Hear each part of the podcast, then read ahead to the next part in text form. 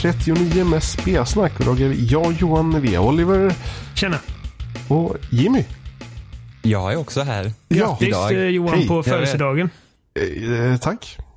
Nu är det ju Vilket- inte det när ni lyssnar nu på onsdag, Nej. men när vi spelar in detta så är Johan 27 år gammal. Herrejösses. Hur känns det? Ingen skillnad.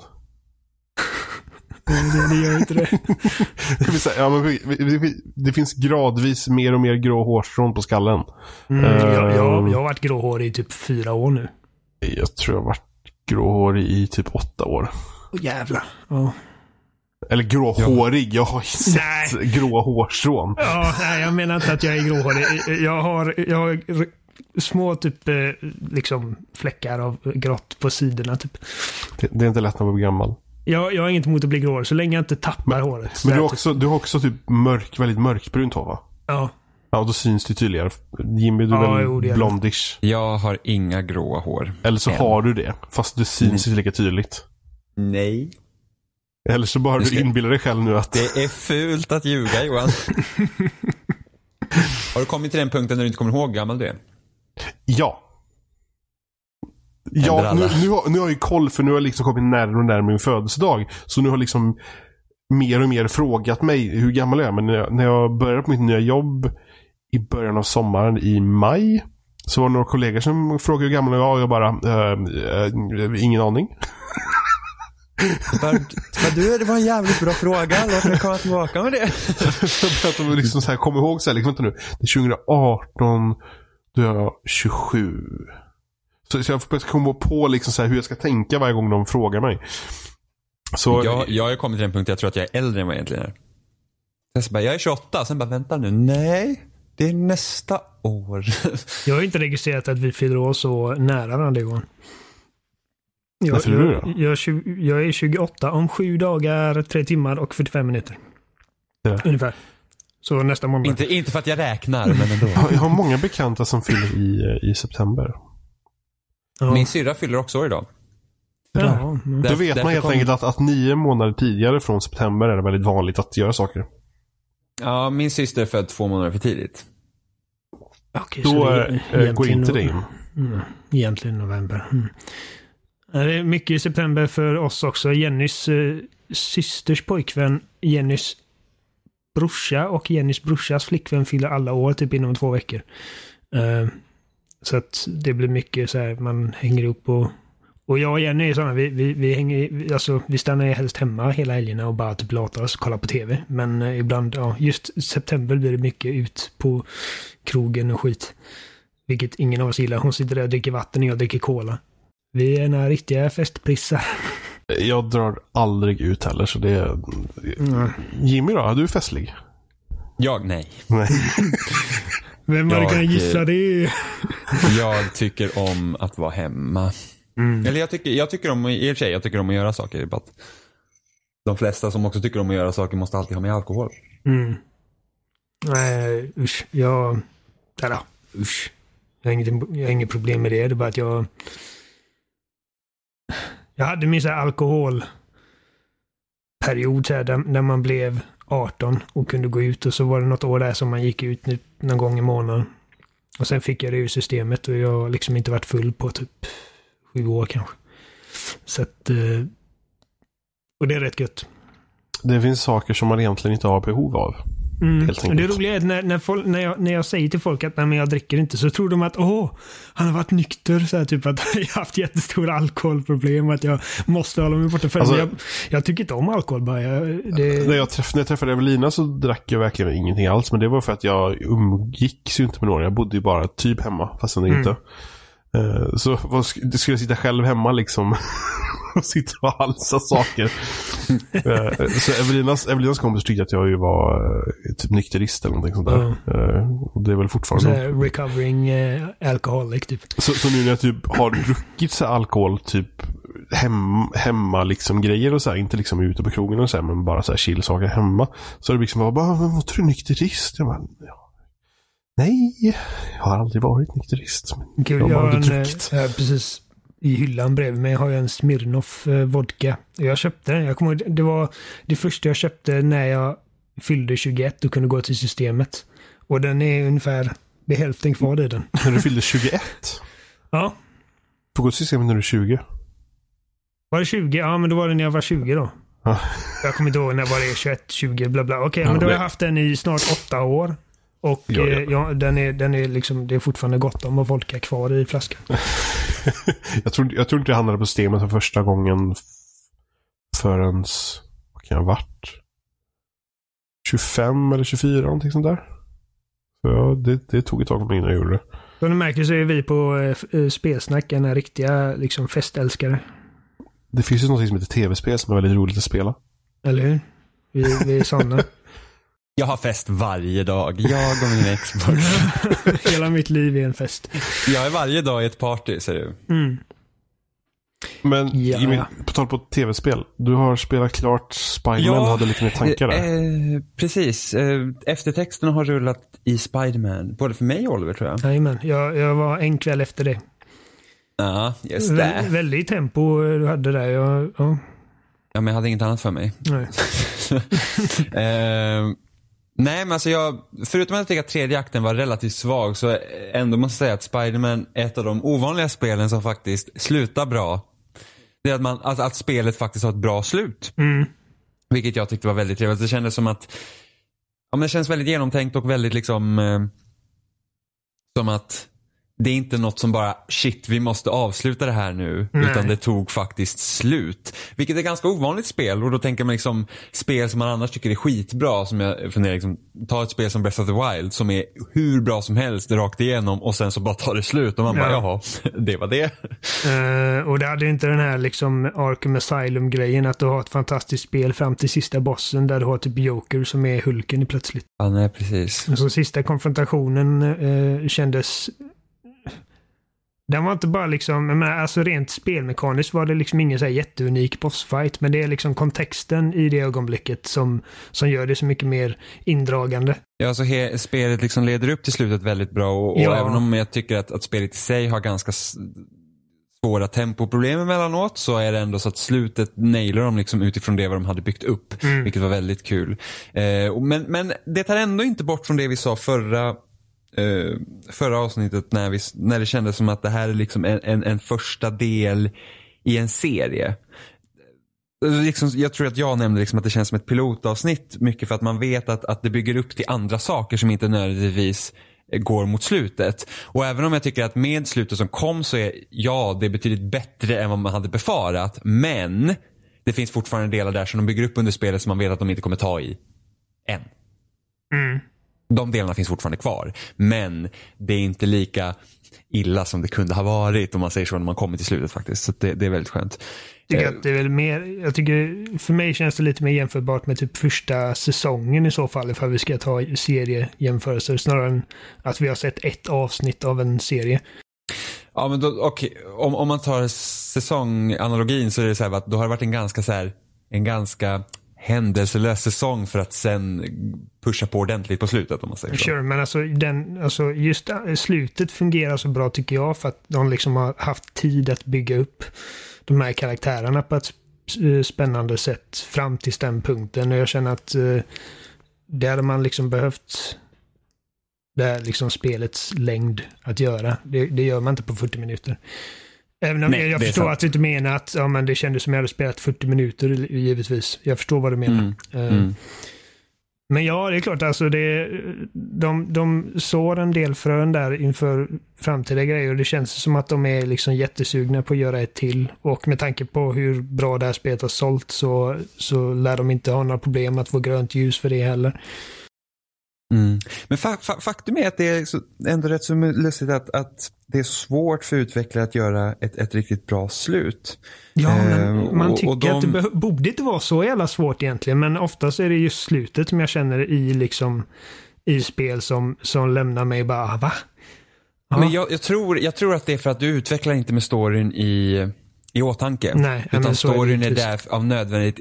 Får man, får man jämföra med de spel där som faktiskt man, man utvecklar spelet liksom utifrån storyn. Så Mm. typ Bioshock Infinite till exempel också ett spel jag tycker har ett bra slut. Mm. Med liksom vad man har spelat. Sen har ju Bioshock Infinite massa andra problem. Eller Ja, ja. typ ta Last of Us eller, eller om man tar spel som eh, Ja, men, man tar Telltale-spel, ofta är sluten där väldigt tillfredsställande eller liksom att det känns inte som att sluten bara kommer från, från ingenstans. Ja, men det känns som att man, liksom, man har föreställt sig den, det här spelet med just det här slutet i åtanke. Alltså, kan, typ som hur Arkham City slutar exempelvis. Jag är helt övertygad om att de hade den liksom bilden av Batman Ja, gud, ja. som bar Jokern ut liksom som, okej det är det vi kommer sluta det spelet med. Absolut. Eh, och det är samma jag tror med Last of Us hade de säkert också en ganska tydlig vision av hur de ville att det skulle sluta.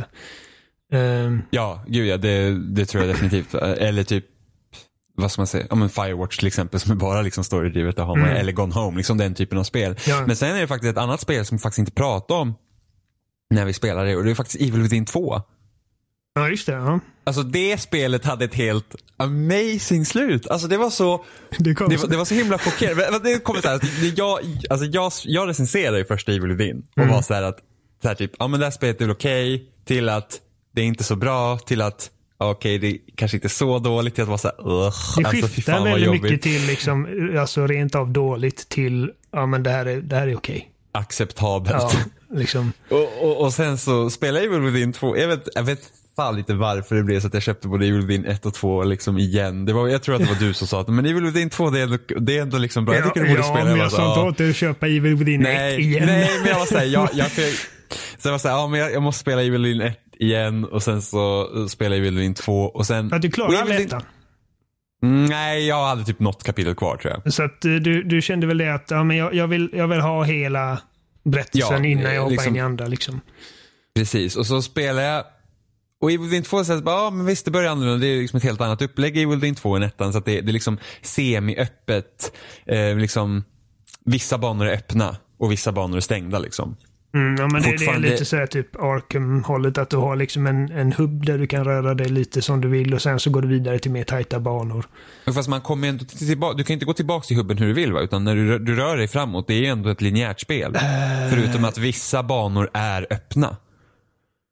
Jo, Du kommer liksom, ja. du kommer väl tillbaks, du kommer tillbaks i samma område men det är inte som att du kan gå dit när du vill utan det är liksom, Nej, nu är det nej, här precis. kapitlet som utspelar den här banan. Så Precis. att det är väl, jag vet inte riktigt vad man kan jämföra med. Nej, men du beskrev det rätt bra. sak samma. Det är Mm. lite öppnare än vad första spelet är. Och, och sen så, alltså, du vet så här, det är så här, ja, vissa grejer tycker jag är bättre i ettan för att jag tycker att eh, fokuset som finns i Within 1 när det är linjära banor funkar bättre i den skräckmiljön som den är.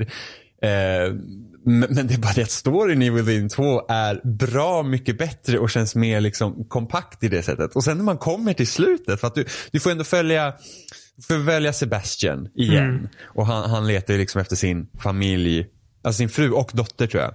Eller, han- nej, han, Han letar letar efter sin dotter. Han har Precis. ingen aning om vad hans fru är. Precis. Men just mot slutet, liksom, allt som den här karaktären har gått igenom och liksom bara sökandet efter sin dotter. Så det, det är liksom helt otroligt hur, hur, hur bra skrivet det var och vilken liksom prestation av de här skå- Och tänk det här är ett japanskt spel som är dubbat till amerikanska. De brukar inte vara speciellt bra på det området. Liksom. Nej, men det kommer verkligen det- som en käftsmäll också. För att, eh, Ja, liksom, ja, ja.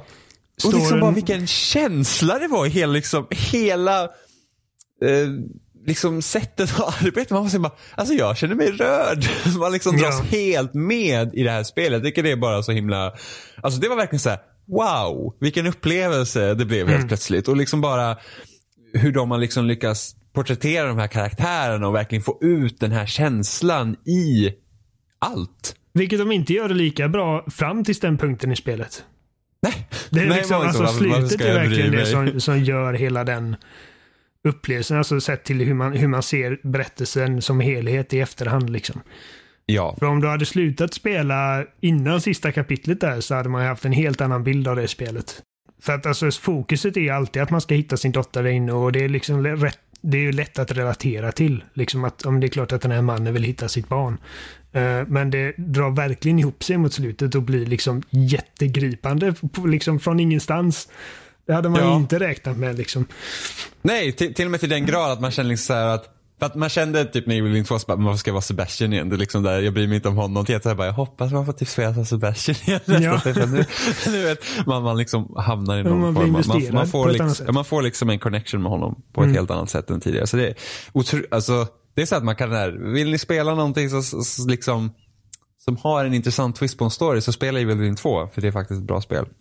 Men alltså det, det, det, det, det tar sin story liksom seriöst. Alltså de... Det är klart att den är ju liksom ost i så sätt, men det, storyn är liksom, det är tydligt att storyn är viktig för utvecklarna i just det spelet. Och eh, så, alltså det är inte jätteofta man ser och får liksom tillfredsställande slut i spel, känner jag. Um, många, tar typ första Bioshock slutar ju hur tråkigt som helst. Och hela sista delen i Bioshock, första Bioshock är verkligen så här, Ja. Det är liksom väldigt segt.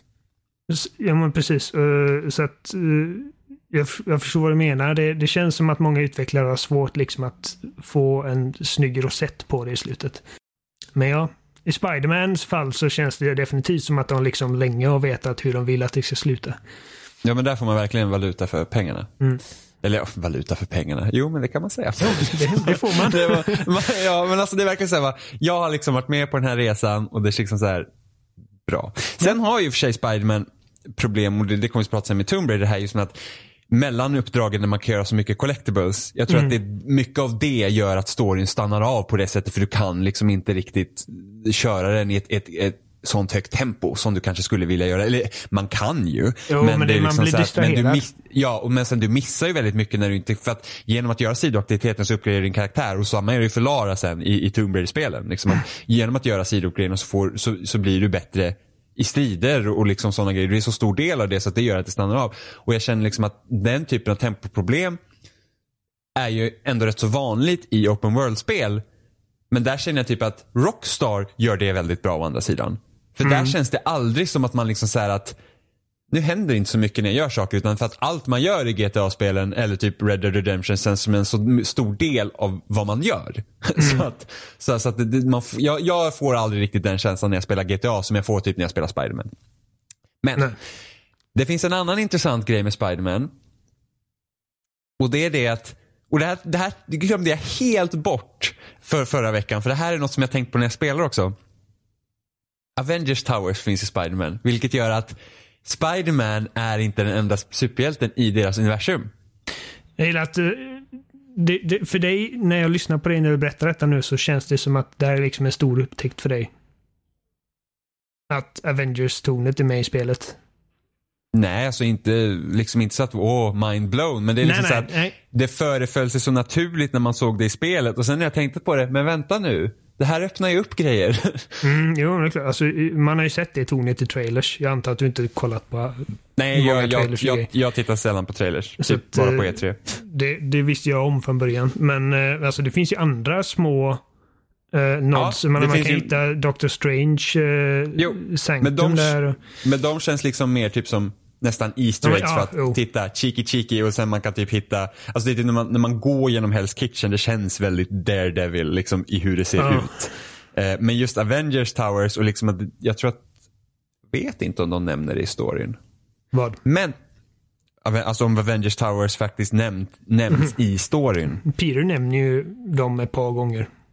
eh, I förbifarten. Inte i mellansekvenser och så, men jag kommer ihåg när, Nej men, när man börjar typ... eh, det är väl något sidouppdrag där man ska typ eh, kolla efter fågelskiten och sånt där. ja just det. det? Ja. Och så säger Ja. han undrar ifall Avengers eh, får sådana här uppdrag. Precis, alltså att det Eh. liksom, det, det, det utmärks ju på, på det sättet. Mm.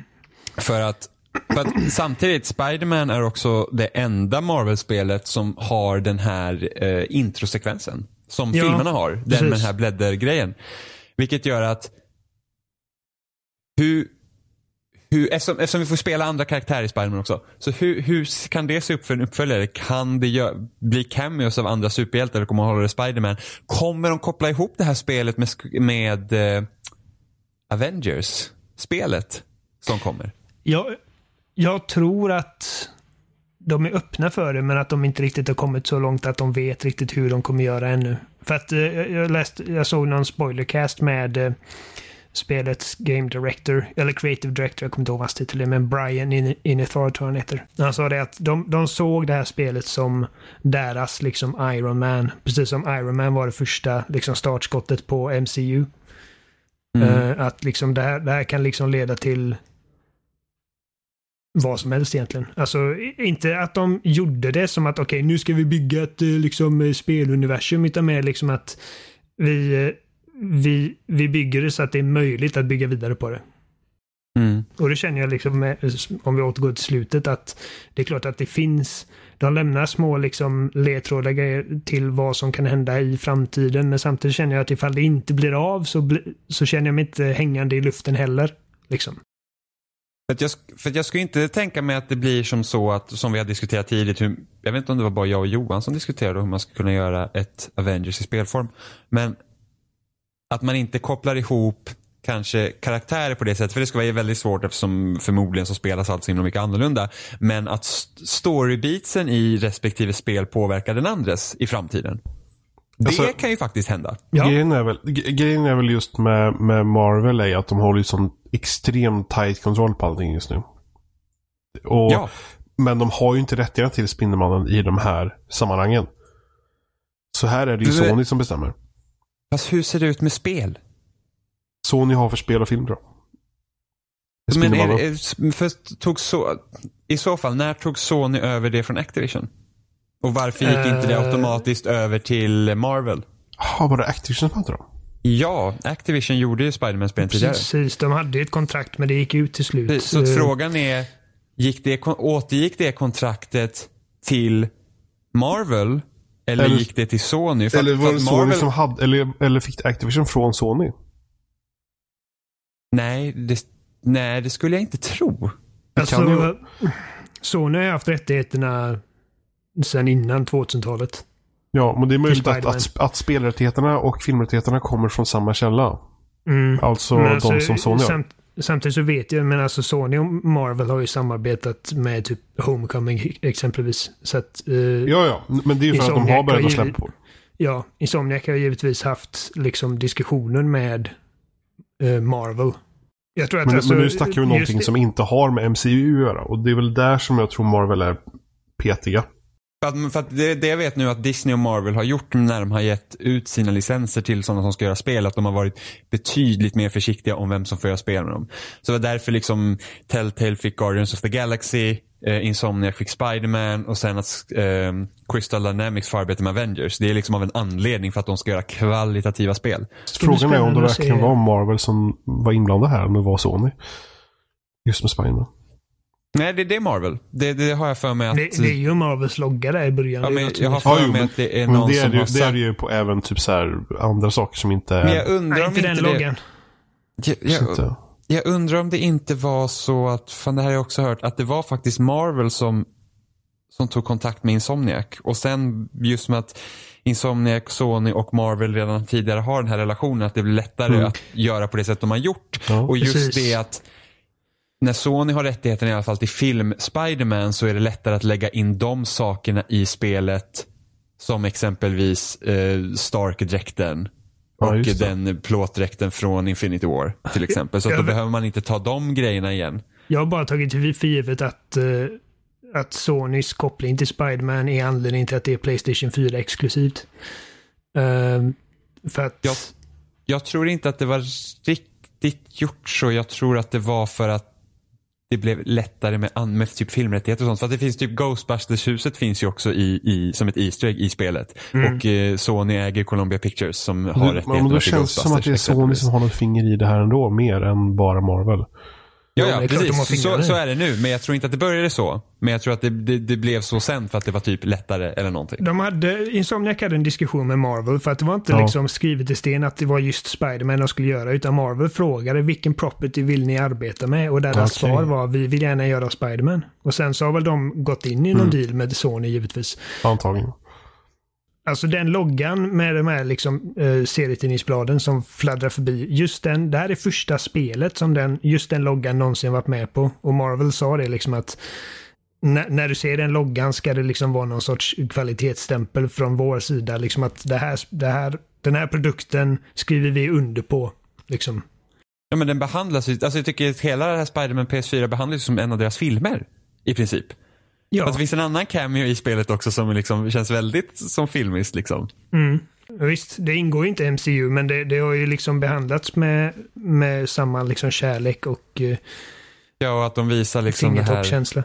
Ja, men det är samma med det här Avengers-projektet kommer ju säkert förmodligen vara också liksom, är tanken att det ska vara samma kaliber. Ja, jo, absolut. Jag undrar ifall de två är, är liksom utspelas i samma universum. För att han nämner Ja. väl någonstans att eh, Avengers är typ någonstans i Europa. Någonting Ja, men gör de ju. Ja, men alltså jag skulle ju nästan misstänka det nu och speciellt med tanke på att det har gått så bra för det här spelet att det här Ja. är något att spinna vidare på.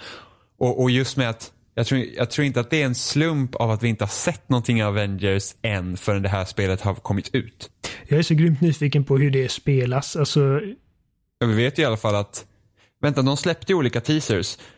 Släppte de? Jo, men det var vi såg Tors hammare, vi såg vi Caps såg eh, sköld. Captain Americas sköld. Såg vi någonting mer? jag kommer inte ihåg. Men ska, Fick ska, vi det, se någonting ska det komma något spel, Man? eller va? Ja, ja, gud. Ja, Crystal Dynamics, de som eh, tidigare gjort Tomb Raider. Så De, ja. de gör ju nya Avengers-spelet och det ges ut av Square Enix. Det är därför Shadow of the Tomb Raider inte är utvecklat av Crystal Ah. Dynamics. För att de är upptagna med Avengers. Men Jag, bara undrar, alltså jag antar att det är liksom ett tredjepersons actionspel av något slag. Antagligen. Jag är bara nyfiken på hur de hanterar det här med de olika... Kommer man spela en av karaktärerna i det här gänget eller kommer man komma få spela allihopa? Eller Jag tror att du kommer få spela allihopa. Ja, Och jag det- tror tänk- in- tänk om jag spelar någon av kommer vara... Tänk om man spelar som så här random så här, typ så här lärling istället. Du får spela Hawkeye. Det hade varit coolt ifall de inte liksom gjorde det tydligt redan från början med det här spelet. Att okej, det här är med eller inte med i något universum och sen så genom spelets gång så får man höra typ, ja men hörde ni vad som hände i New York? Någon typ galen typ Martin Lee-gubbe tog över hela skiten. Och det liksom, det hade räckt så. Då vet man, okej, nu är detta liksom ett universum. ja, men det är, alltså, ja. Men jag, jag skulle mycket väl kunna tro att de har saker som överlappar varandra. Mm. Ja, jo. Tråkigt blir det bara för de som inte har PS4 då, liksom, de, de blir ju, man kan Ah. inte uppleva allt på den här, eh, i, liksom inom universumet då. Så Det blir lite Se. synd för dem i så fall. Ja. Vi får Ja. se när, och sen, och sen vi, vi vet ju inte vad Rocksteady arbetar med heller. Nej, det vet vi inte. Frågan Fast samtidigt så, fast samtidigt så Warner. Brothers är, det är väl Warner Brothers som äger Rocksteady så Ja. skulle de ens skicka dem på något. Vet du, jag, jag har sett så mycket på Arrow nu så jag skulle faktiskt vilja att Rocksteady ska göra ett eh, spel som utspelar sig i Arrow-universumet. Alltså just det Arrow-universumet eller bara ett Arrow-spel? Uh, det, det skulle nog behöva vara ett, bara ett Arrow-spel. Men jag skulle inte Mm. ha någonting emot om Sti- Steven Amell gjorde rösten till Arrow i, i spelet också. Han har gjort rösten Mm. till Arrow i typ Injustice och sådana grejer. Så att det, det ska inte vara omöjligt för att han, han gör ett jävligt bra jobb. Mm. Ett Arrow är typ Batman med pilbåge. Det är typ vad det är. Och sen typ tv-serien har mynnat ut till någon så här, att det är typ så här, vi är typ kompisar som typ jagar skurkar tillsammans. Och den serien är så himla weird på många sätt. Jag har bara sett Jag vet lite det. ni har inte sett. Ja för den, den börjar ju, alltså Arrow börjar ju väldigt så här mörkt och dystert. Liksom det, det är typ så här, vi gör en tv-serieversion av typ The Dark Knight Trilogy men vi är inte lika bra så det blir inte lika bra men det är vad det är. Och sen så gjorde de ju The Flash. Och Flash var betydligt mer liksom Upbeat. Alltså, ja, gladare ton. Liksom, visst, fortfarande så allvarliga grejer. Men det, det känns mer som en så här CW-serie i den formen av typ så här high school-drama. Fast inte åt det hållet eftersom karaktärerna är inte så unga. Men mycket liksom gladare och mycket ljusare ton. Och sen, sen har de ju hela det här, som de kallar det Arrowverse. Att alla de här tv-serierna går ihop varandra. Så du har ju typ, det är ju Arrow och så är det The Flash. Supergirl Och. Supergirl hamnar Ja. in där. De hade även en cameo från Konstantin. Sen har vi där Legends of Tomorrow. Så det är liksom hela den här grejen. Så ska Batgirl vara också med i det här. Så det är helt sjukt. Det låter Och- alltså som att CW, CW, CW gör ett bättre jobb än vad, eh, än vad Warner Brothers gör med eh, DCEU. Ja, gud ja. För det går faktiskt att titta på de här grejerna och ha Mm. kul. Medan man tittar på de Ja, här hade stora hade vi filmerna. och några sådär. klasskamrater nu på högskolan som var helt så här fast i de där serierna. Och sen så gör de Ja. specialsnitt ibland som kopplar ihop de olika serierna och grejer. Ja, jag ska ju, för jag håller ju på att titta igen nu på den. För jag, jag kollar på de tre första säsongerna och sen så liksom kom jag av det helt och hållet. Och nu har de upp till säsong fem på Netflix. Så jag kollar på säsong fyra och nu är på säsong fem. Så nästa avsnitt jag ska titta på nu, det är ju värsta så här typ crossovers. Så det ska vara Supergirl och Arrow och Flash och Legends of Tomorrow karaktärerna. Så det kommer bli helt festligt. Så, att- så, att det, är- så att jag skulle vilja ha ett Arrow-spel av Rocksteady med Steven Amell som Arrow fortfarande. Det hade varit awesome. Jag tror det kunde varit riktigt kul faktiskt. Och då hade de fått göra ett annat stridssystem än Batman-stridssystemet. Man sugs över allting. Då hade man fått använda pilbågen. Mm. Så det hade jag velat se. Det hade varit väldigt intressant. Nu med massa superhjältegrejer. här. Vi, vi har ju redan nämnt Tomb Raider lite. Ja, Och att det inte är uh, Dynamics som har gjort uh, det nya. Men ni har spelat det nya spelet. jag har typ spelat fyra timmar. Ja, men En det, är, stund. väl- det är ju någonting. Faktiskt. Ja. Eh, och det är precis som man trodde på förhand att det är Tomb Raider. Och det är vad det är. Det, det är liksom, det, har du spelat Tomb Raider, rebooten och Rise of Tomb Raider så har, vet du exakt vad du har att förvänta dig. Eh, Alltså jag bara tycker att Lara är en sån tråkig karaktär. Alltså de, har, de har gjort lite mer med nu, i alla fall det lilla jag har sett. Liksom, att hon, hon, hon är mycket mera driven på sitt än tidigare. Och liksom så här typ att hon, hon tar dumma beslut och praktiskt taget så långt som jag har kommit så är hon egentligen skurken i spelet. Ja, jag menar, jag bara, alltså, det- är någonting som är fel när jag känner att jag står hellre på skurkens sida än på Laras sida just nu. Men, hon, tycker att- hon, hon bara framställer, hon bara, ah, jag klarar inte av henne. Hon, hon är så arrogant och bara egocentrisk och jag menar hon, hon, hon är ingen dålig människa. Men hon är en ganska dålig människa. jag, uh, jag gillar henne inte. Ja, För det är så att man, för man startar ju apokalypsen i det här spelet. Ja. Och vilket jag tycker är så här, för att i början, så man, man, man tar liksom en sån här, det, det är en kniv som man hämtar upp så här från eh, någon eh, tempel eller någonting. Ja. För att Trinity är också ute efter den. Och liksom, och, och Trinity, så att du behöver ha den här kniven och sen finns det någon låda som du måste också ha kniven till. Och, för, och, och, och genom att man kombinerar ihop de här två artefakterna så ska man typ kunna förändra världen lite som man vill. Ja, och typ Trinity- som Infinity och så- Stones. Ja, men så träffar, ja, förutom att här knäpper inte med fingrarna och typ raderar halva mänskligheten. Men, men någonting ska den här göra och man, och man träffar liksom över huvudet av Trinity och han liksom har sagt för han tror ju att Lara definitivt har den här lådan för annars skulle hon aldrig ta den här kniven. Men Lara är så himla pressad på hon ska ha, för det, no, det har någon koppling till hennes pappa också. Mm. Som inte jag vet om, det har inte jag fått reda på än. Vad det är för koppling. Eh, så, att, så att hon liksom är ute efter den här och Trinity ska inte få tag i den här händerna men hon känner på sig att någonting är fel om hon tar den här kniven. Men hon har ingen aning om vad den här lådan är för någonting. Men hon tar kniven i alla fall och sen så då, då är det liksom starten av apokalypsen. Och den här Trinity över huvudet, han liksom bara såhär, du tog kniven utan att ha den här lådan. Är du dum i huvudet liksom? Hon bara, ja men du hade gjort samma sak. Och han typ så här svarar inte på det. Och jag såhär bara, men okej. Okej, okay, eh, Eidos här. Här hade ni faktiskt kunnat ta en ställning i att han hade sagt, jo, vi hade banne mig sett till att vi har den här lådan för vi tänker inte starta apokalypsen för det är dumt. Men jag tror att för att Lara inte ska vara liksom utmålad som värsta superskurken så kan de inte ta den ställningen. Vilket är jävligt tråkigt.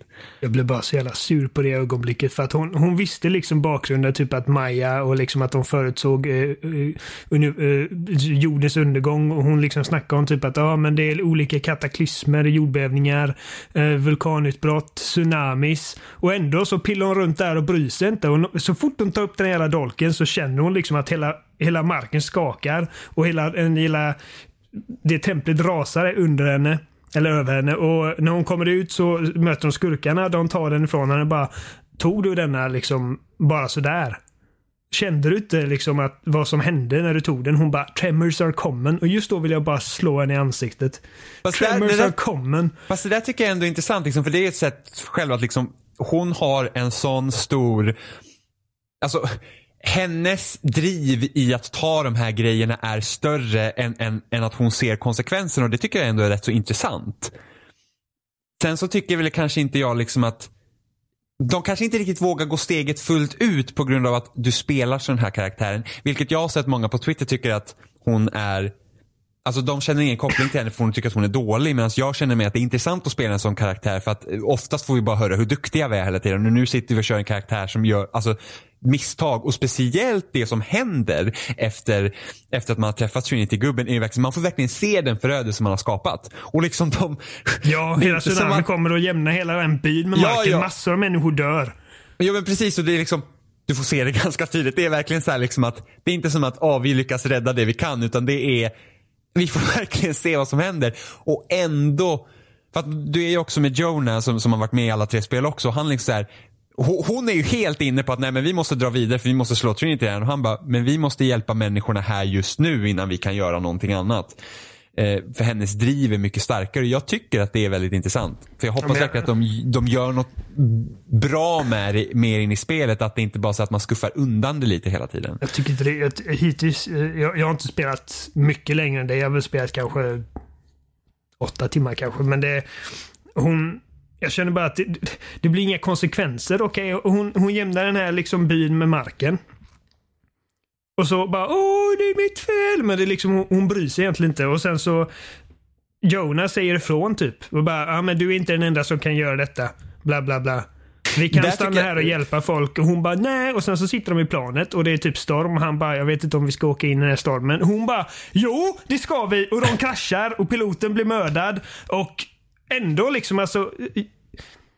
Jag bara fan, Jona, lämna henne i sticket. Stick därifrån, rädda ditt skinn. Hon är fan livsfarlig. Ja, Ja, men alltså det, det är det, de vågar inte gå fullt ut. Det är det, de vågar det blir inga konsekvenser. Det blir inte ens några, Det blir inte ens en fingersmäll liksom. Den enda som... Va? Ah, Fast nej. jag känner väl typ att ha jämnat typ en helt by med marken känner jag väl ändå är en ganska stor konsekvens av hennes handlande. Sen får man ju som Nej. spelare ta ställning. Nej men det, det är ju inte direkt någon som arresterar henne för folkmord heller. Nej, men Hon du, är ju bara på väg ja, nästa men- äventyr ja, igen men med liksom en hur, gång. Hur ska du bevisa att en människa har skapat en tsunami med en jävla magisk kniv? Ja, nej, Det var du!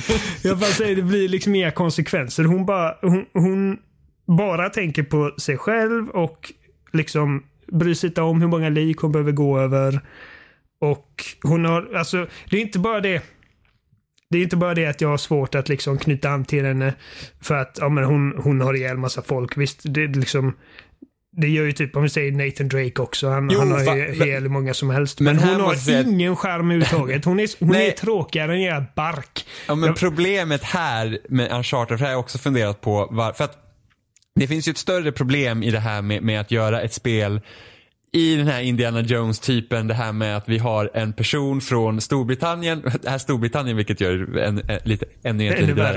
I- Med att du har den här personen från Storbritannien, imperiet, som kommer till, till att åka till ett av länderna som, som mest troligt har varit liksom en koloni till Storbritannien och liksom tar deras liksom artefakter och reliker från deras historia. Mm. Från och deras "Det- u-länder. Precis, och det här ska jag ha i min kollektion för att, ja, det här samlar jag på.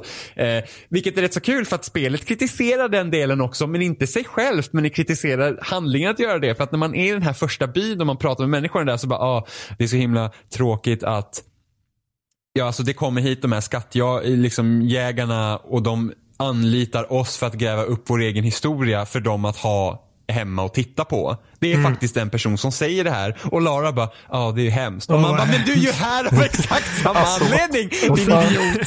Sen Liksom. får man se, har det kommit den, den scenen i, det är liksom en ganska tidigt i spelet, en ba- tillbakablick på när hon var yngre. Ja, jag vet, man tänker såhär, Man här här. så här, de går in, hon har liksom ett enormt jävla slott hon bor i.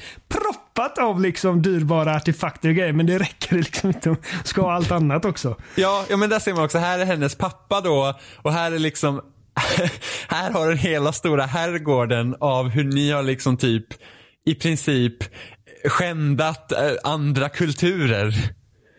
Och bara dragit deras liksom så här arv för att ni vill ha det. Blir han Och liksom- på det.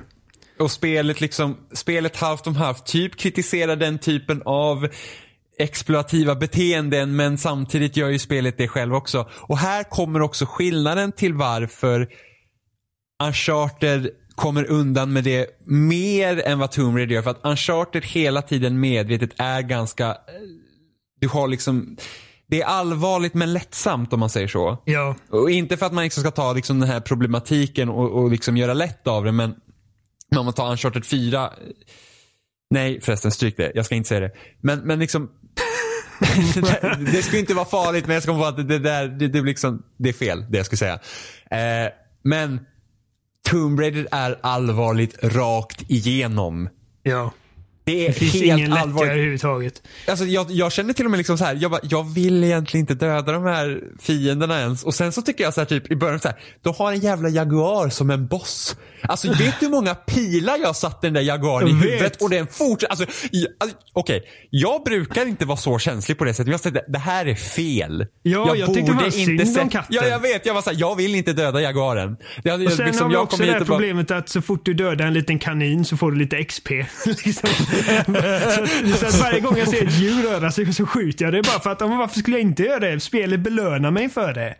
Här kommer lille Skutt och man bara fuck yeah, Ja, XP. allt som rör sig ska mördas för att spelet Ja. uppmanar det till dig. Och, alltså, och det är som jag har sagt det här förut, jag tycker att våldet i det här spelet känns så malplacerat. För att menar, du ser inte Nathan Drake skära halsen av folk. På Nej, det alltså, sättet. Nej men typ man smyger, man, alltså nu är hon ju värst, alltså hon är typ en jävla liten mini-militia i sig själv. Liksom, hon bara typ smetar sig full med liksom lera och grejer. Sen och så bara typ- tar fram kniven och så här. Hon är ett jävla odjur och liksom bara sätter kniven i halsen och bara shh, typ så här, Alltså verkligen som, som Rambo.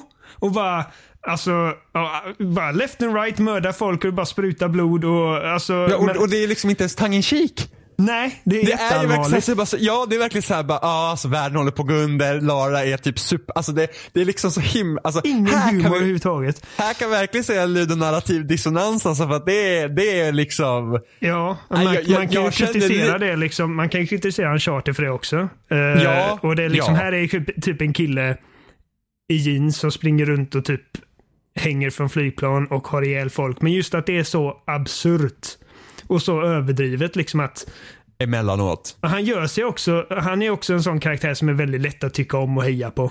För att han, han, har, han har en sån karisma och han är så bra skådespelad. Och sen så har vi liksom... Ja, Nathan Drake ut för själv, med folkmord, men han är ju charmig ändå. Ja, men han dödar ju bara de här soldaterna som försöker döda honom. Liksom. Men det, alltså, det, det, det, det är ju kontexten också. Och han, han går inte runt med en kniv på ryggen som han har liksom craftat från en gammal typ rotor från en flygplan. Och sen liksom slicear upp folk och inälvorna trillar ut. Utan han liksom Nej. ger någon en stark höger och sen så ligger gubben liksom. Det här är inte lika- jättefascinerande att lyssna på nu när jag har suttit och spelat det gamla Tomb Raider-spelet i Legends. Ja, För ja att- där är det inte riktigt samma. Det äh, där, där möter man ju på olika kattdjur och sådär. Men då skjuter man dem och så är det klart och så tar man sig vidare liksom. Ja, men det är också, ja, man, man har liksom två pistoler, man hoppar runt liksom typ och gör massa akrobatiska volter Ja. och liksom, Det är som och att, de, djuren. det är som att någon tar det här till den här äh, verklighetstrogna mörka så blir det ju liksom bara totalt absurt. inte, alltså jag kom på en ännu värre grej med den här jävla jaguaren. Alltså det, det är ännu värre vad vi fick låta. För att först, du möter en jaguar och sätter Ja. typ 30 pilar i skallen på den. Dens liksom partner bär med liket bort för att sörja. Inte nog med det. Den partnern kommer sen tillbaka så man ytterligare får sätta 30 pilar i. Och vet du vad man gör med den jaguaren? Man skinnar den och bär den på sig. Varför har jag inte sett liksom, rubriker med PETA som så här, liksom, pratar om det här spelet? Ja, men jag tror att om någon från Peter hade spelat spelet, de hade ju fan dött i en hjärtattack eller någonting. Det hade ju aldrig kommit ut. Men alltså, det är helt galet. Men sen, och här, och jag tror att, för, för första spelet har ju alla system som är gjorda för Tomb Raider-rebooten utgår ifrån det första spelet att du blev strandsatt på en öde ö och behövde överleva. Och sen hamnar du i någon form av liksom det här Trinity och, och visst var Trinity med i första spelet, eller? Ja, men jag vet Nej. inte om de, om de, jag kommer inte ihåg. Nej, Men det var väl, in, det var väl inf... Okej, det låter ju också fel. Det var infödingen som var fienden i första Nej men det, det var ju inte det. Det var ju folk som har hamnat där innan henne och inte kunnat ta sig därifrån för att det vilar en förbannelse över den här ön. Ja, som gör att du kan inte ja, ta dig ja. därifrån. Det är så länge sedan jag spelade. Men i alla fall. Jag såg filmen alla nyligen.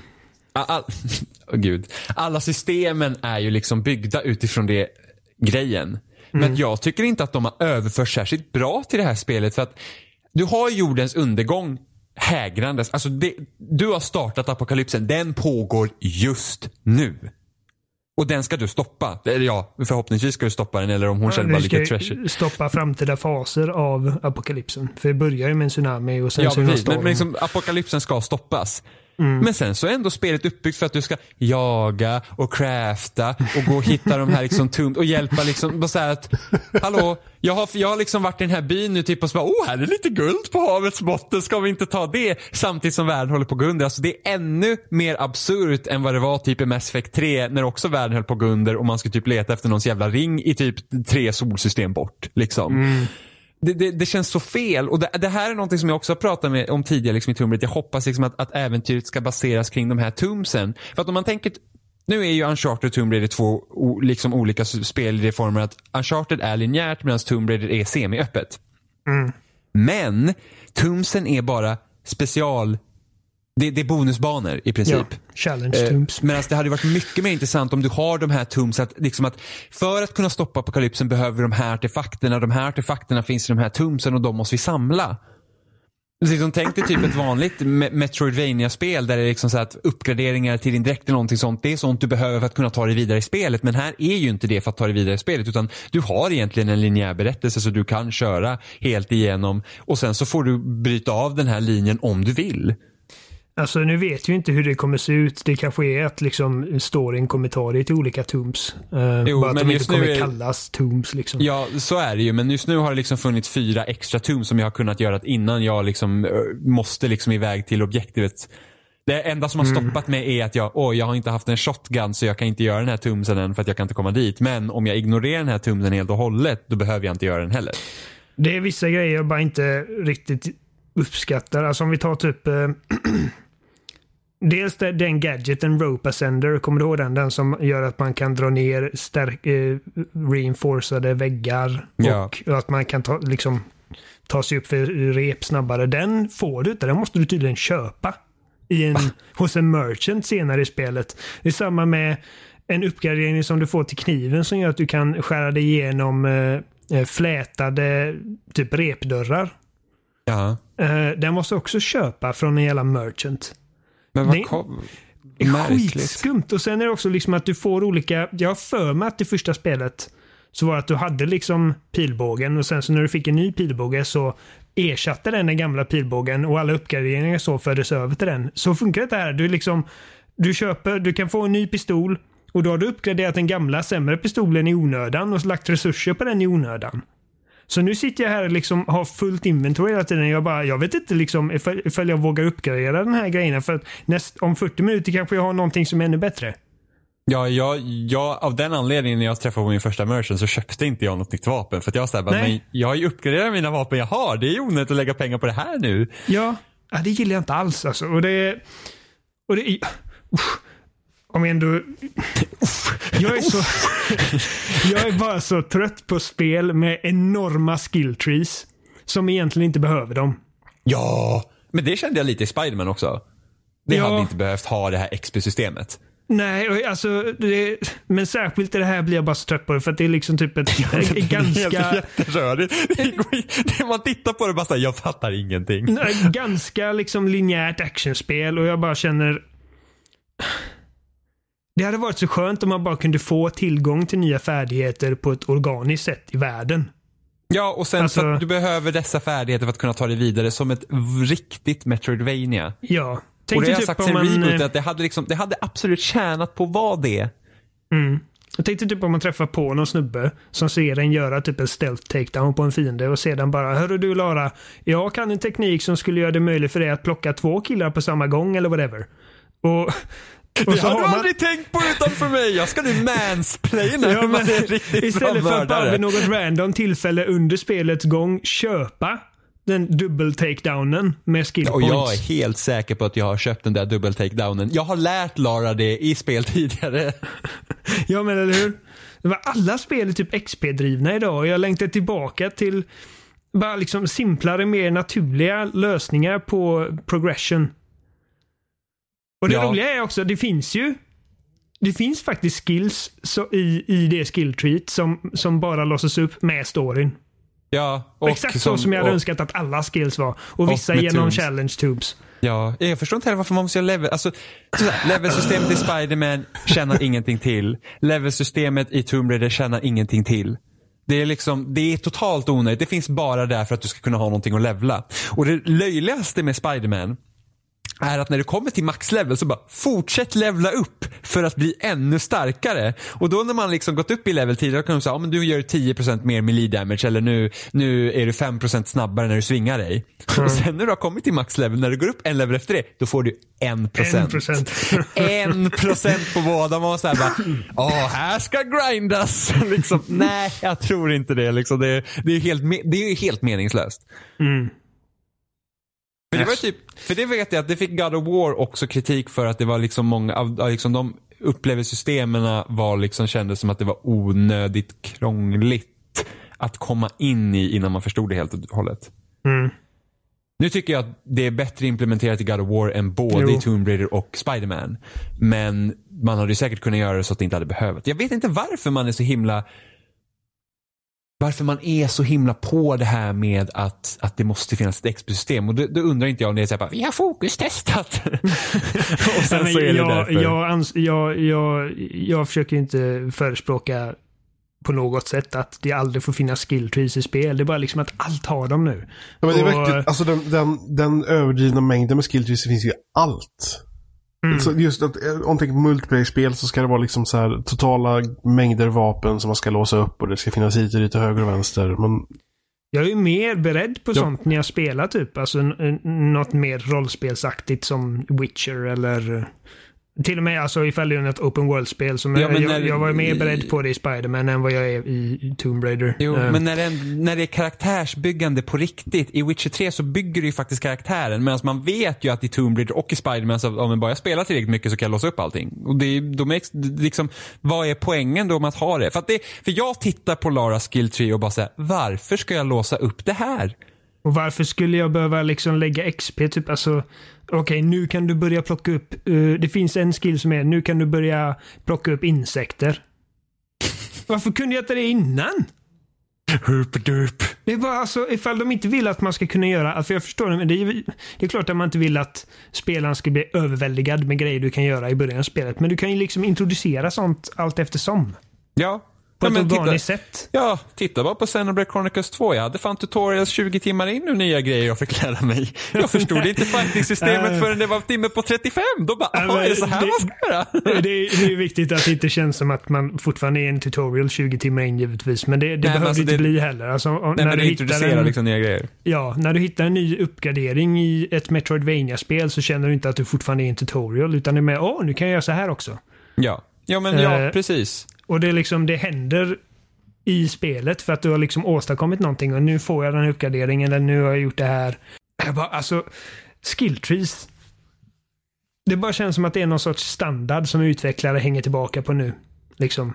Ja, ja men det, alltså, jag var så himla irriterad. Det var, det var för några veckor sedan när jag lyssnade på IGNs Playstation podcast. Mm.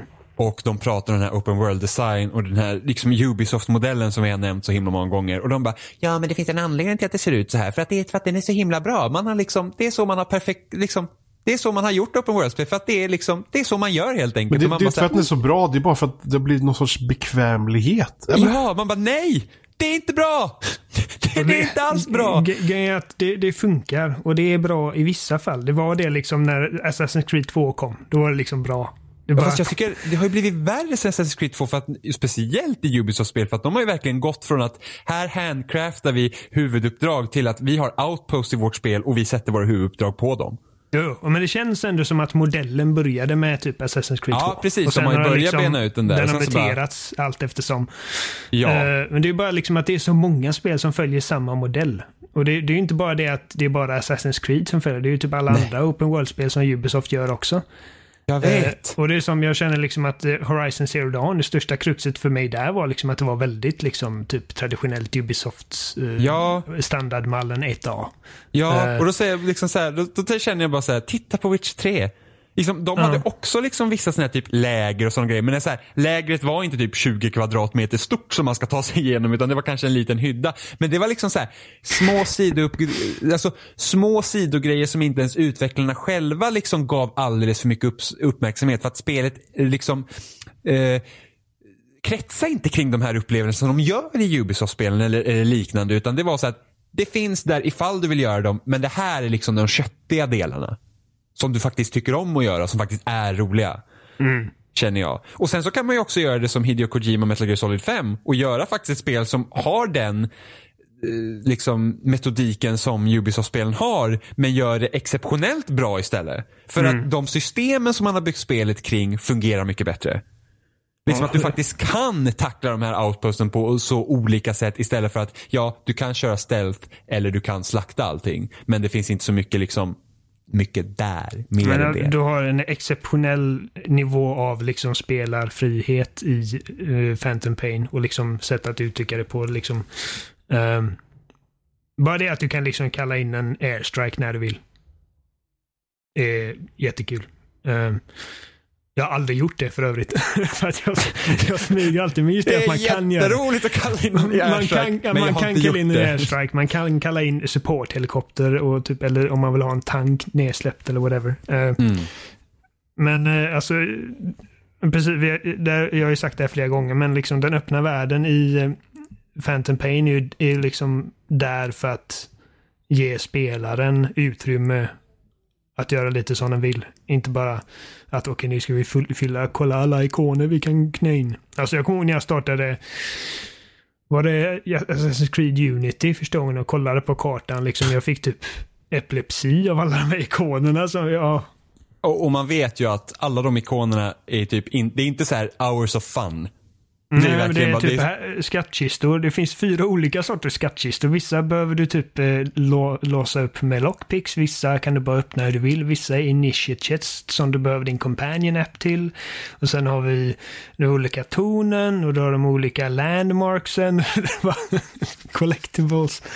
Jag får cancer bara jag tänker på det. Ehm, så, jag menar, alltså om du kollar på typ en, en karta i eh, GTA eller Red Dead.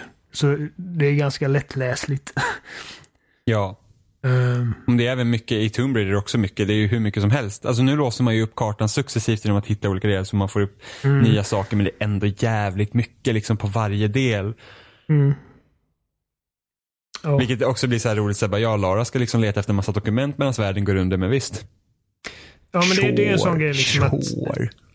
Det är som du säger att det, mallen för hur ett, eh, ett av de här nya eh, Tomb Raider-spelen ser ut, det gjordes liksom med rebooten och sen så har de fortsatt på det och liksom inte riktigt tänkt på hur storyn påverkar liksom eh, kontexten i vad man gör. Ehm, Nej, och jag, jag har för mig att det klingar inte lika illa i Rise of the Tomb Raider. Och så här, jag kommer inte ihåg en st- storyn i Rise of the Tomb Raider. För jag var så här, varför var man där? Jag har inte riktigt samma urgency där heller. Du, Nej, du jag har vet, liksom men inte bokstavligen känns- jordens undergång efter dig. Nej, här känns det verkligen weird. Däremot får jag säga, alltså, nu låter det som att jag hatar det här spelet. Det gör jag verkligen inte. Jag jag har haft liksom kul med det i omgångar. Jag kan inte spela det jättelänge i sträck. Jag spelar typ ett par timmar och sen så pausar jag och sen så lägger jag ifrån mig. Men en grej som, som jag, en väldigt positiv grej att säga om det är att liksom, det är ungefär bara 10% av spelets speltid hittills som faktiskt har varit att liksom gå runt och mörda folk och liksom Ja. actionsekvenser. Det är De mycket mer fokus ner. på utforskning och pussellösning och sånt. Precis som jag liksom sa att jag ville ha redan i första från 2013. Mm. Så det, det är ett jättestort steg i rätt riktning tycker jag. Liksom, för att nu, nu känner jag inte att "Åh, måste jag skjuta på mer? Jag vill bara liksom in i nästa tomb. Utan nu händer det ganska sällan. I alla fall så långt som jag har kommit. Det kommer ju garanterat bli mer sen givetvis. Men ehm, Plot twist, utvecklingen var också väldigt så här, disturbed av våldet och bara, nej vi kan inte ha så mycket, det går inte.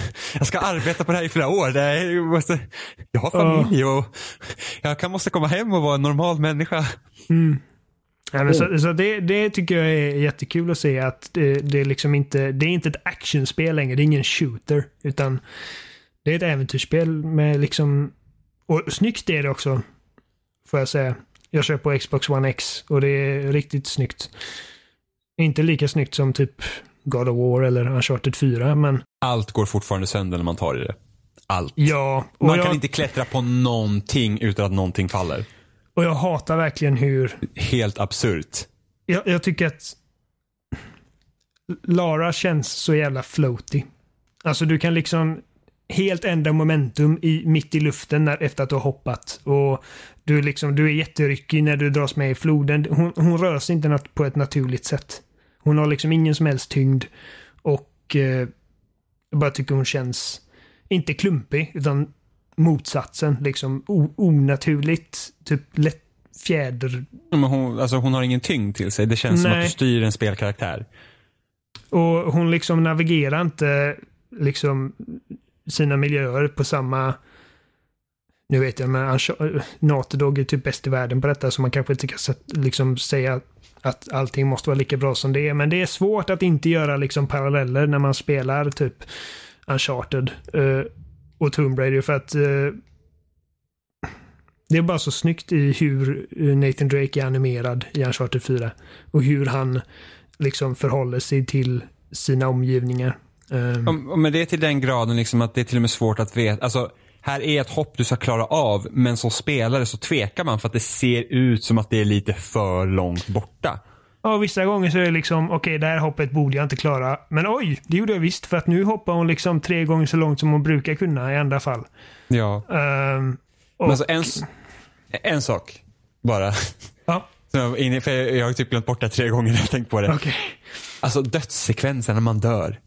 Men fortfarande alltså, lite jag, har in, jag har inte stört mig på dem lika mycket förr som jag gör nu. Men alltså, det, när man typ, man hoppar över en så här typ liten så här fälla med spjut nere i mar marken och man ramlar ner där och du ser liksom det här spjutet bara åka genom halsen och du har typ jätteinzoomat på hennes ansikte och hon typ bara, de, alltså, ögonen typ vrids uppåt och bara tungan hänger ut. Alltså det, det alltså det är Det hade liksom... man inte sett i ett Uncharted-spel. Nej men alltså, nej för, nej, halshuggen. nej för där liksom så här, karaktären typ försvinner i bild, skärmen blir grå och sen har man Sally bara Nöt!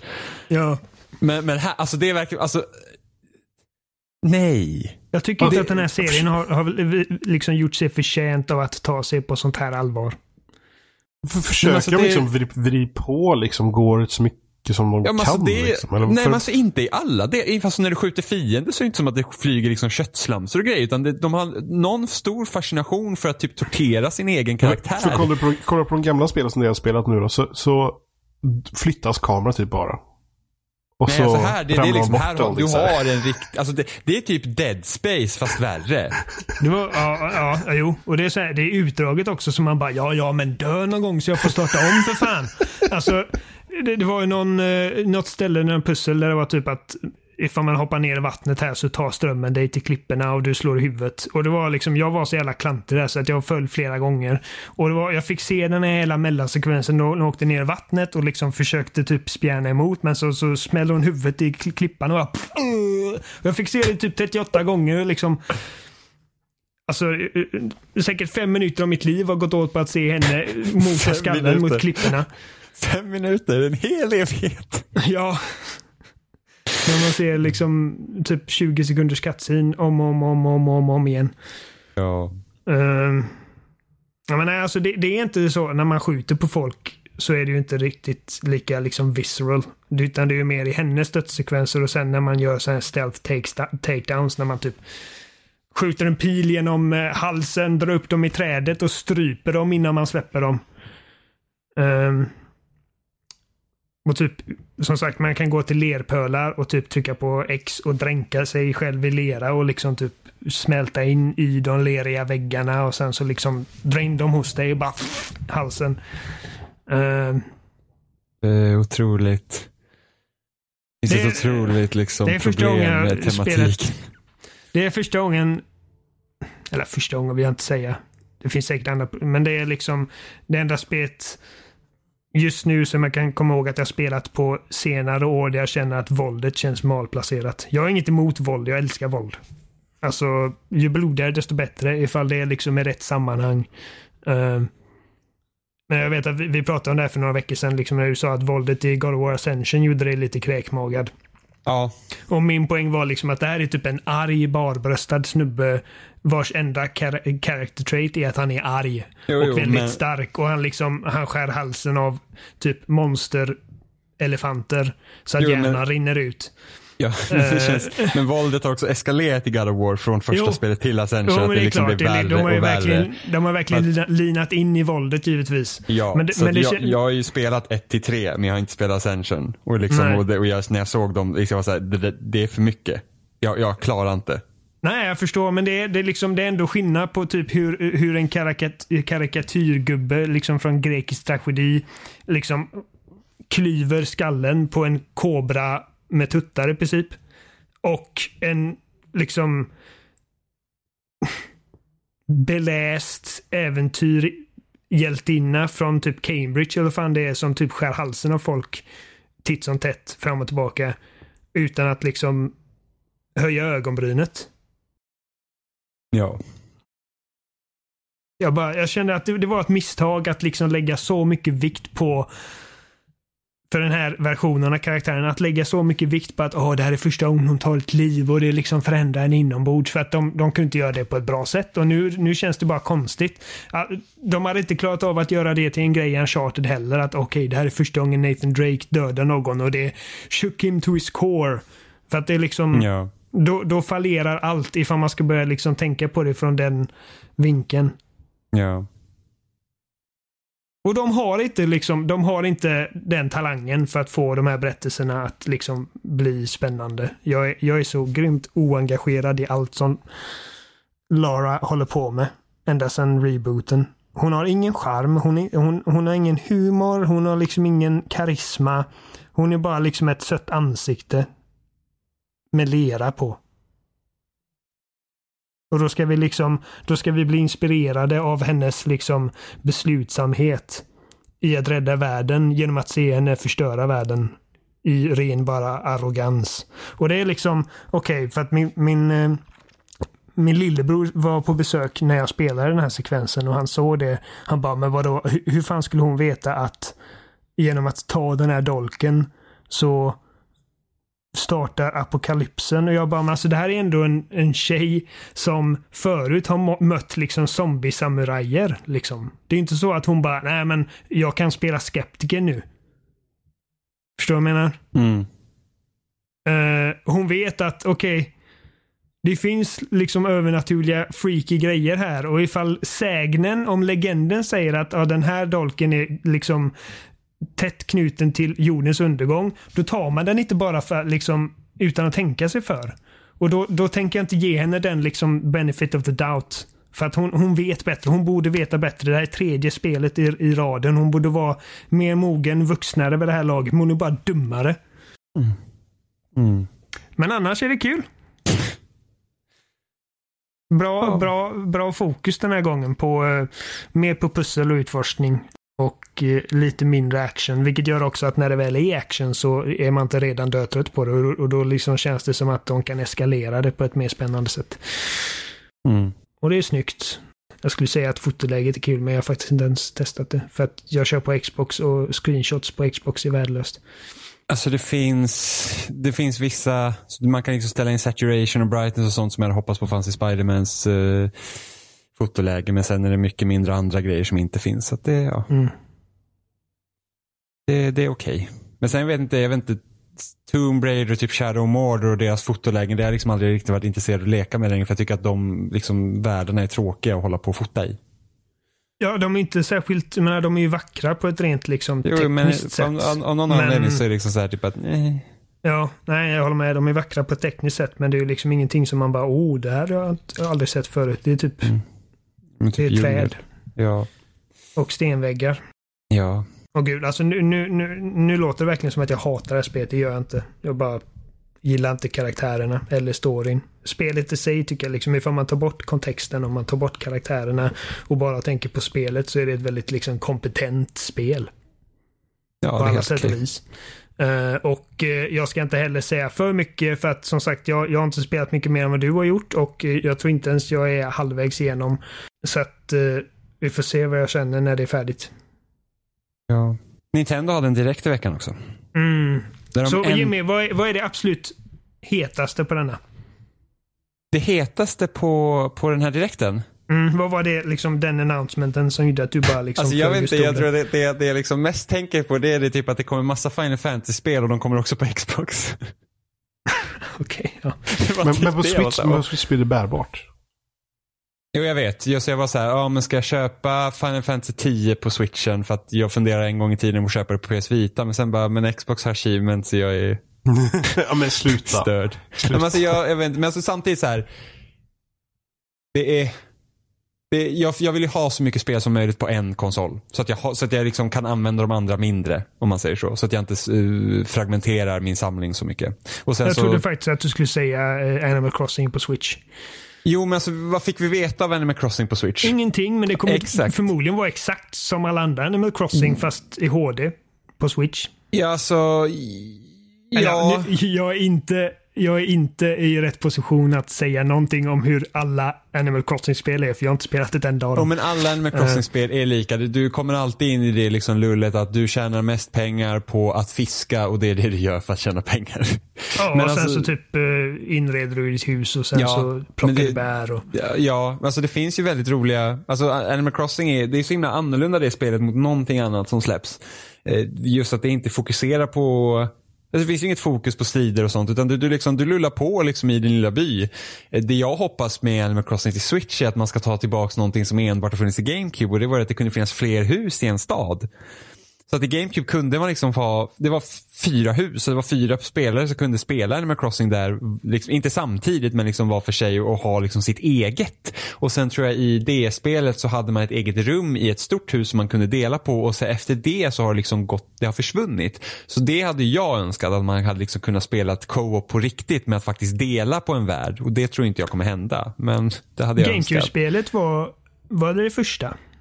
Ja, det var en, eh, det som Det kom till GameCube var en remake på det som kom till Nintendo 64. Så på Nintendo 64, och det släpptes bara i Japan tror jag, hette Animal Forest och sen när det kom Mm. hit så hette Animal Crossing och då var det på GameCube. Just det. Och det är det som jag har hört folk säga är det bästa av dem. Alltså jag tror att många nog tycker att Wild World eller New Leaf är det bästa. Men jag, jag älskar ju första. Alltså jag tycker ju att det första till GameCube var bäst. Men det var också, då var det nytt för mig. Så jag Kanske inte bara det jag har hört ifrån. Det är nog bara det jag Jag hört ifrån. inte. Men liksom, eh, du kunde så här, ja, men du, du kunde låsa upp NES-spel i Animal Crossing där och sen så Alltså det, liksom, spelet har inte ändrat sig så mycket från det. Alltså den grunden är densamma. Liksom, du fångar insekter, du gräver upp fossiler, du, du konverserar med byborna och du liksom betalar av ditt lån som den elaka tvättbjörnen har satt dig i. Alltså tänk vad vidrigt. Du, drar, du, dras till den här, du dras till den här jävla stan och sen så möter du liksom en jävla tvättbjörn och säger ja men jag är så schysst att jag har ett hus från dig och så får du huset och sen så eh, så, så får man ett lån på sig. Han, han, han, är den, han är den mest onda karaktären som man skulle hitta i något spel egentligen. Men han är ju, han är ju liksom vidrig egentligen.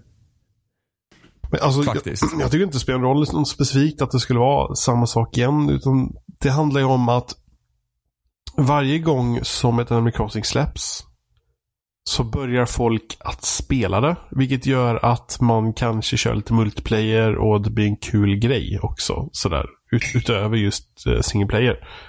Eh, Ja men precis. Och sen- alltså, stora sen- grejen är ju det att man är, alltså, det är flera man känner som också sitter och spelar med Ja, och sen efter ett tag så, så dör ju spelet.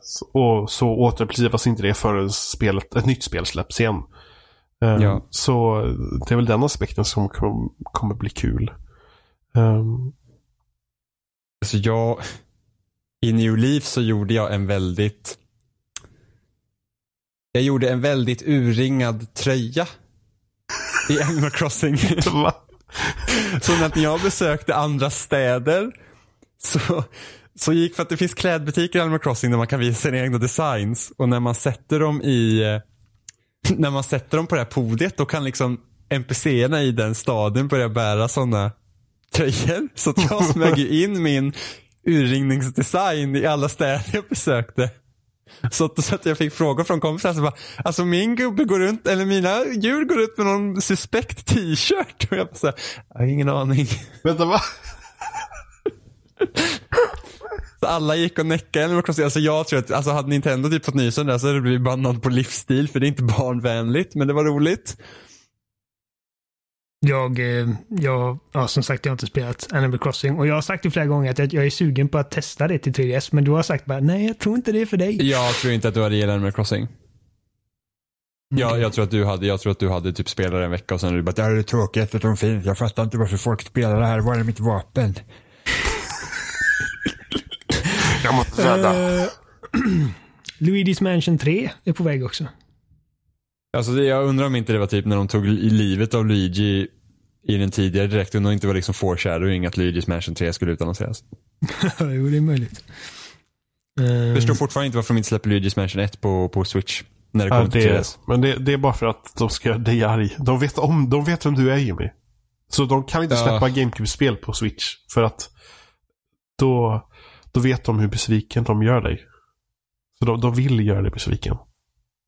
De hatar dig Jimmy. Jag förstår inte. Men alltså, sen så fick vi veta mer av deras online-tjänst. Eller om mer. Egentligen fick vi inte veta någonting mer. Utan det är precis det de har sagt innan. Och jag måste säga att de har... Ingenting de sa på den här direkten har gjort det... Har rättfärdigat att de tar betalt. Även om det är billigare än, Pra- än de andra tjänsterna. Pratar de mest om den här liksom NES-spel-historien? Alltså, ja, alltså det är typ så här. 20 NES-spel ska komma nu. Och sen så hade någon lista i alla fall för EU släpps. Liksom, det släpps typ kanske så här 5-6 spel varje månad fram i alla fall till januari. Så det kommer mer spel. Men den stora listan så var, var det alla spel som kommer släppas som alla släpps inte direkt? Nej, jag tror att för, först var det... Nej, det var 20 spel som, som är där dag ett. Ja, okej. Vilket är på tisdag. Men det är fortfarande, kommer. alltså okej. Men det är fortfarande, alltså, som kommer ha online multiplayer också, men det är fortfarande NES-spel. Alltså ingenting där är så här, alltså, jag har tänkt så här, ja, men det kan ju vara kul att spela Ice Hockey, men jag hade hellre köpt de NES-spelen jag vill ha. Än Så, dem. så, så jag tycker väl att jag har en NES-klassiker. Jag köpte den andra rundan nu. Mm. Och det, den, är liksom, den, är, den är kul att ha. Lite så här liksom samlarbegär men det är också kul om man kan starta igång och spela någon gång ibland. Men jag hade, hade aldrig något NES. Och NES, för mig är det tråkigaste Nintendot. Det är inte speciellt jättekul. Nej, och det känns ju inte, alltså, jag vill inte betala för en tjänst för att spela NES-spel, liksom, när de Nej, ofta är... Nej, men precis. Det känns som att de har fått tvungen att göra den här NES-spelshistorien. Bara för att de inte lägger till någonting i online-funktionaliteten. Typ. Mm. För att det är typ så här, de, de liksom går, går ut med såhär, ah men du må betala för det här så kan du spela online play. Och man bara, men det kan vi ju redan gratis. För det har ni haft gratis nu ett år. Jag bara känner så här, och sen så cloud saves. Det är liksom så här, jaha, vissa spel kan ha cloud saves, men inte alla. Och sen så när du, så fort du avprenumererar på tjänsten så, så raderas dina cloud saves. Va? Ja, de, de sparar. Jag tror Xbox One har alltid cloud saves. Du behöver inte ha guld för Xbox One. Eh, PS Plus måste du, ha, måste du ha för att ha cloud saves på PS4. Men de sparas i alla fall ett halvår. Ja. Om du inte prenumererar. Men Nintendo nej, vi kan inte säkerställa typ att sparningarna sparas när du slutar prenumerera. Så så här, aha. Alltså det, det är liksom så här att det här liksom, att betala online liksom inte on par på, no, på något sätt. Nej. Alltså det, det här är ju fascinerande. Jag, jag såg inte direkten, men efteråt så såg jag den där grejen liksom att de visade Animal Crossing och de visade, eller liksom visade att det ska komma något Animal Crossing. De visade att det kommer något liksom Luigi's Mansion 3. Eh, vilket gjorde mig glad. Och, men sen liksom, de här sakerna får man ju sen då att bli förbannad istället för jag orkar inte.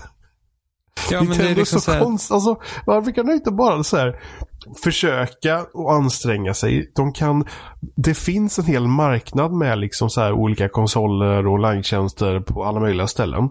Varför kan de inte bara leka lite spioner och, och kolla lite på dem? Liksom bara se, hmm, hur gör man lite, hur gör man det bra för oss? Vi gör det har dåligt. varit, och det hade ju liksom varit en sak om de liksom, ja men nu kommer vår online-tjänst. Vi har NES, SNES, Nintendo 64-spel och i, i en perfekt värld GameCube-spel på tjänsten direkt. Vi har hundra spel. Det här är liksom vår, det här är vårt eh, val. Det här är vår variant på Game Pass. Det är liksom boom. Här är Nintendos bibliotek. Enjoy. Men liksom 20 NES-spel. Alltså de börjar ju om igen. det är Men- som en men- men Jimmy- Virtual Jimmy- Console på Wii. Helt fantastiskt. Virtual Console på Wii U. Vi börjar om. Vilket sen utvecklar sig till att bli bra. Och sen Switch så bara, nej.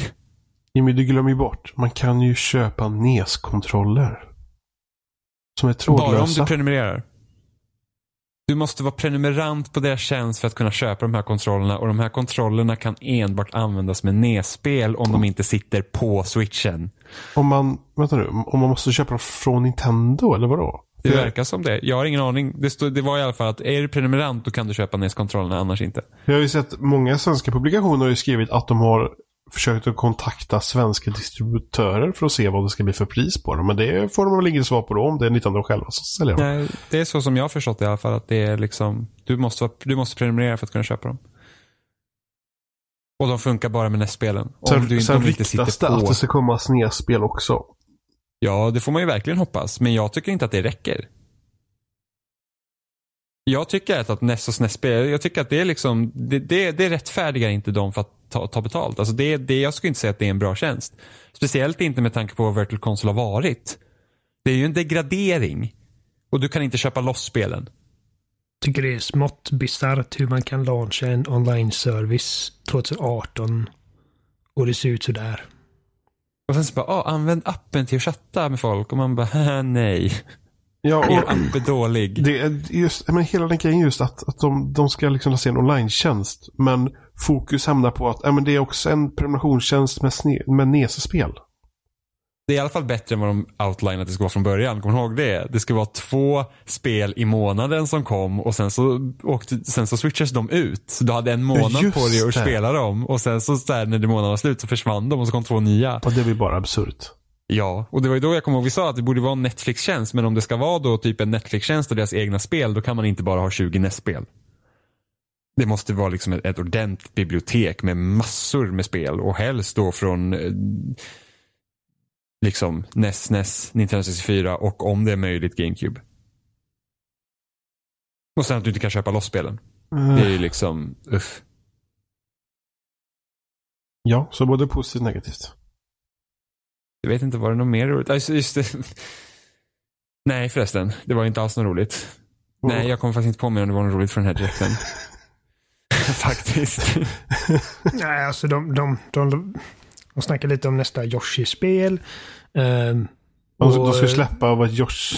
Nej, Kirby eller Yoshi-spel till 3DS och någonting som har släppts. Kirby kommer till 3DS, Epic Epic Yarn och sen kommer ju uppföljaren till Woolies World, eller Crafted World tror jag det heter den här gången. Eh, och man kan typ vända på hela banan så att man kan liksom se den från olika perspektiv. Det ser ju ganska trevligt ut men det är inte så jättespännande heller.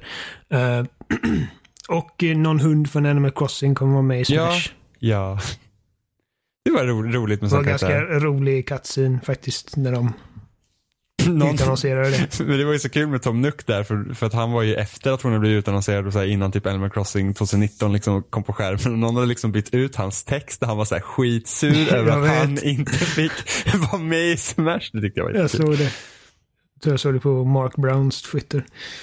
Och det, här, det, det här, alltså, det, alltså Animal Crossing, alltså det här är en grej som ändå är så kul med Smash. För att för det, det var ändå man kände typ med så här Playstation Battle Royale när det kom. Och man var så här, de här karaktärerna meshar inte ihop bra med varandra. Alltså det känns bara så himla konstigt att typ Big Daddy och Nathan Drake från Uncharted och så här. Och så tänker man, ja men Nintendo har så himla bra art direction så det är därför alla deras karaktärer passar ihop så bra. Men det är ju inte bara därför med tanke på att nu finns det så jävla många konstiga karaktärer i Smash som Bayonetta och fucking Simon från jag vet inte om han heter Simon, i alla fall castlevania karaktärer Mm. och Snake. Och de känns inte som att de är liksom så här odd man out, utan de känns ju helt naturliga för det spelet. Så, det, var, så det, är, det är jävligt bra av Nintendo liksom att kunna göra det med Smash, att allt mashar ihop så bra fast det egentligen inte borde. Ja. Det är helt sjukt. Så det, men jag, jag är faktiskt glad över att Isabelle är med, även om jag hellre hade haft typ To, eh, Tom Nook eller typ uh, gitarrhunden. Slider.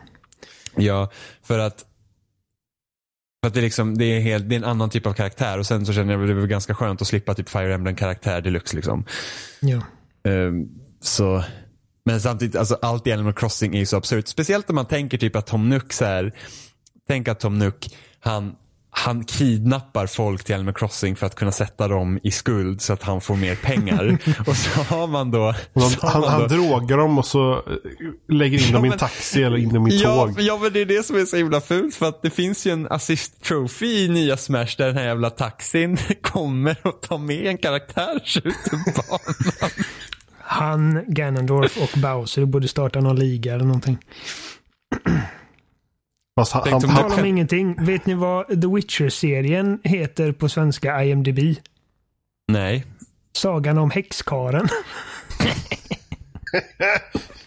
jag älskar när så här, svenska så här, bokförlag och så här, filmställen ska göra svenska titlar. Undrar, undrar om det är så de kommer kalla den på liksom nordiska Netflix. Nej. Sagan om häxkaren. Nej. Och, och varje gång uh, Geralt kommer bara I'm a witcher. Han bara jag är en häxkar. Nej, det kan de inte göra. Men Hur ska, Netflix... de, nej, men hur ska de översätta witcher liksom i Ja, men det får ju bara subtitles heta? Witcher. Jag är en witcher. Alltså det är inte som att Better Call Saul heter Det bästa att vi ringer Saul. Nej, nej, nej, men jag tänker alltså... Nej, jag tror Jaha, också de eller kommer du tänker, Jag jaha, tänker när, ja, ja, i en scen i liksom... Om man, om man presenterar sig som en witcher. Kom, Ja, alltså, ja det över- kan, ju- det- det kan ju stå häxkarl. Det borde liksom. vara häxkarlen och sånt Eller där. häxmästare eller... Men Ja. he- eller troll, nej trollkarl är inte samma sak. Monsterjägare. ja, jo men monsterjägare kan det ju vara också. Det är, så är det ju. Eh, ja, det var på tal om inget Ja, skitsamma. Jag tyckte det var kul bara. X-karlen. Häxka- sa- ja, just sagan om, inte bara häxkaren, utan sagan om häxkaren. Jag vill läsa Witcher-böckerna. Mm. Det får bli nästa sommars projekt. Ja. Tror jag. Du håller på med Dark Tower fortfarande? Ja, alltså det är så att nu har jag så himla mycket att läsa i skolan så att jag är liksom hälften igenom sista boken nu så jag har fått lägga den på is. Men jag är snart klar med Dark Tower. Det är en så konstig serie emellanåt. Den är halvt om halvt Ja. fantastisk och halvt om halvt underlig. Alltså det är typ när man var så här, what? vad är detta? Liksom, vad händer? Så Stephen King är en Stephen King karaktär är skummig. i... Alltså Stephen King är en karaktär i Dark Tower. Mm. Ja, jag hörde det. Det är liksom, man var så här, nej, är det här inte jag riktigt med på? Alltså Stephen King han är, han är flummig alltså. Det är ju vissa, scen, vissa grejer ur It-boken också som är helt snurriga. Um, Det finns många saker som är absurda i den boken. Jo, men typ den här liksom, jag har inte läst boken men jag har hört om typ uh, orgen ungarna Ja. har. Alla turas om att ligga med Bevel i alla fall. Och, För att, typ, Eh. för att på något sätt göra, de, det är väl för att skrämma eller någonting ska försvinna de gör eller någonting. Ja, jag det- för mig att det är typ eh, att de är säkra när de inte är oskulden och sånt där skit. Jag kommer inte ihåg. Gud, ja, fast han, har en, här, han har en stor fascination för det sexuella. Alltså det är väldigt mycket fokus på det. Även i Dark Tower kan det finnas väldigt så här, lustiga, man säger bara, men varför anmärkte du på det där? Liksom, Men det ju ju- bara, det är bara, problemet där är att det blir mer absurt när det är barn. Ja, jo, jo, jo, absolut, så är det ju. Vår protagonist gick in i ett rum. In i hörnet satt en kvinna. Hon hade bröst. Åh nej. nej. Nej, men nu tycker jag att vi gör kväll. Ja. Om vi inte har något annat att säga. Nej. Nej. Vi finns som vanligt på spesnack.com där ni hittar länkar till YouTube, Facebook och alla möjliga ställen. Ni kan kontakta oss eh, genom att skriva till kontakt.spesnack.com eller våra förnamn spesnack.com. Eller så kan ni skriva oss på Twitter, spesnackpodd.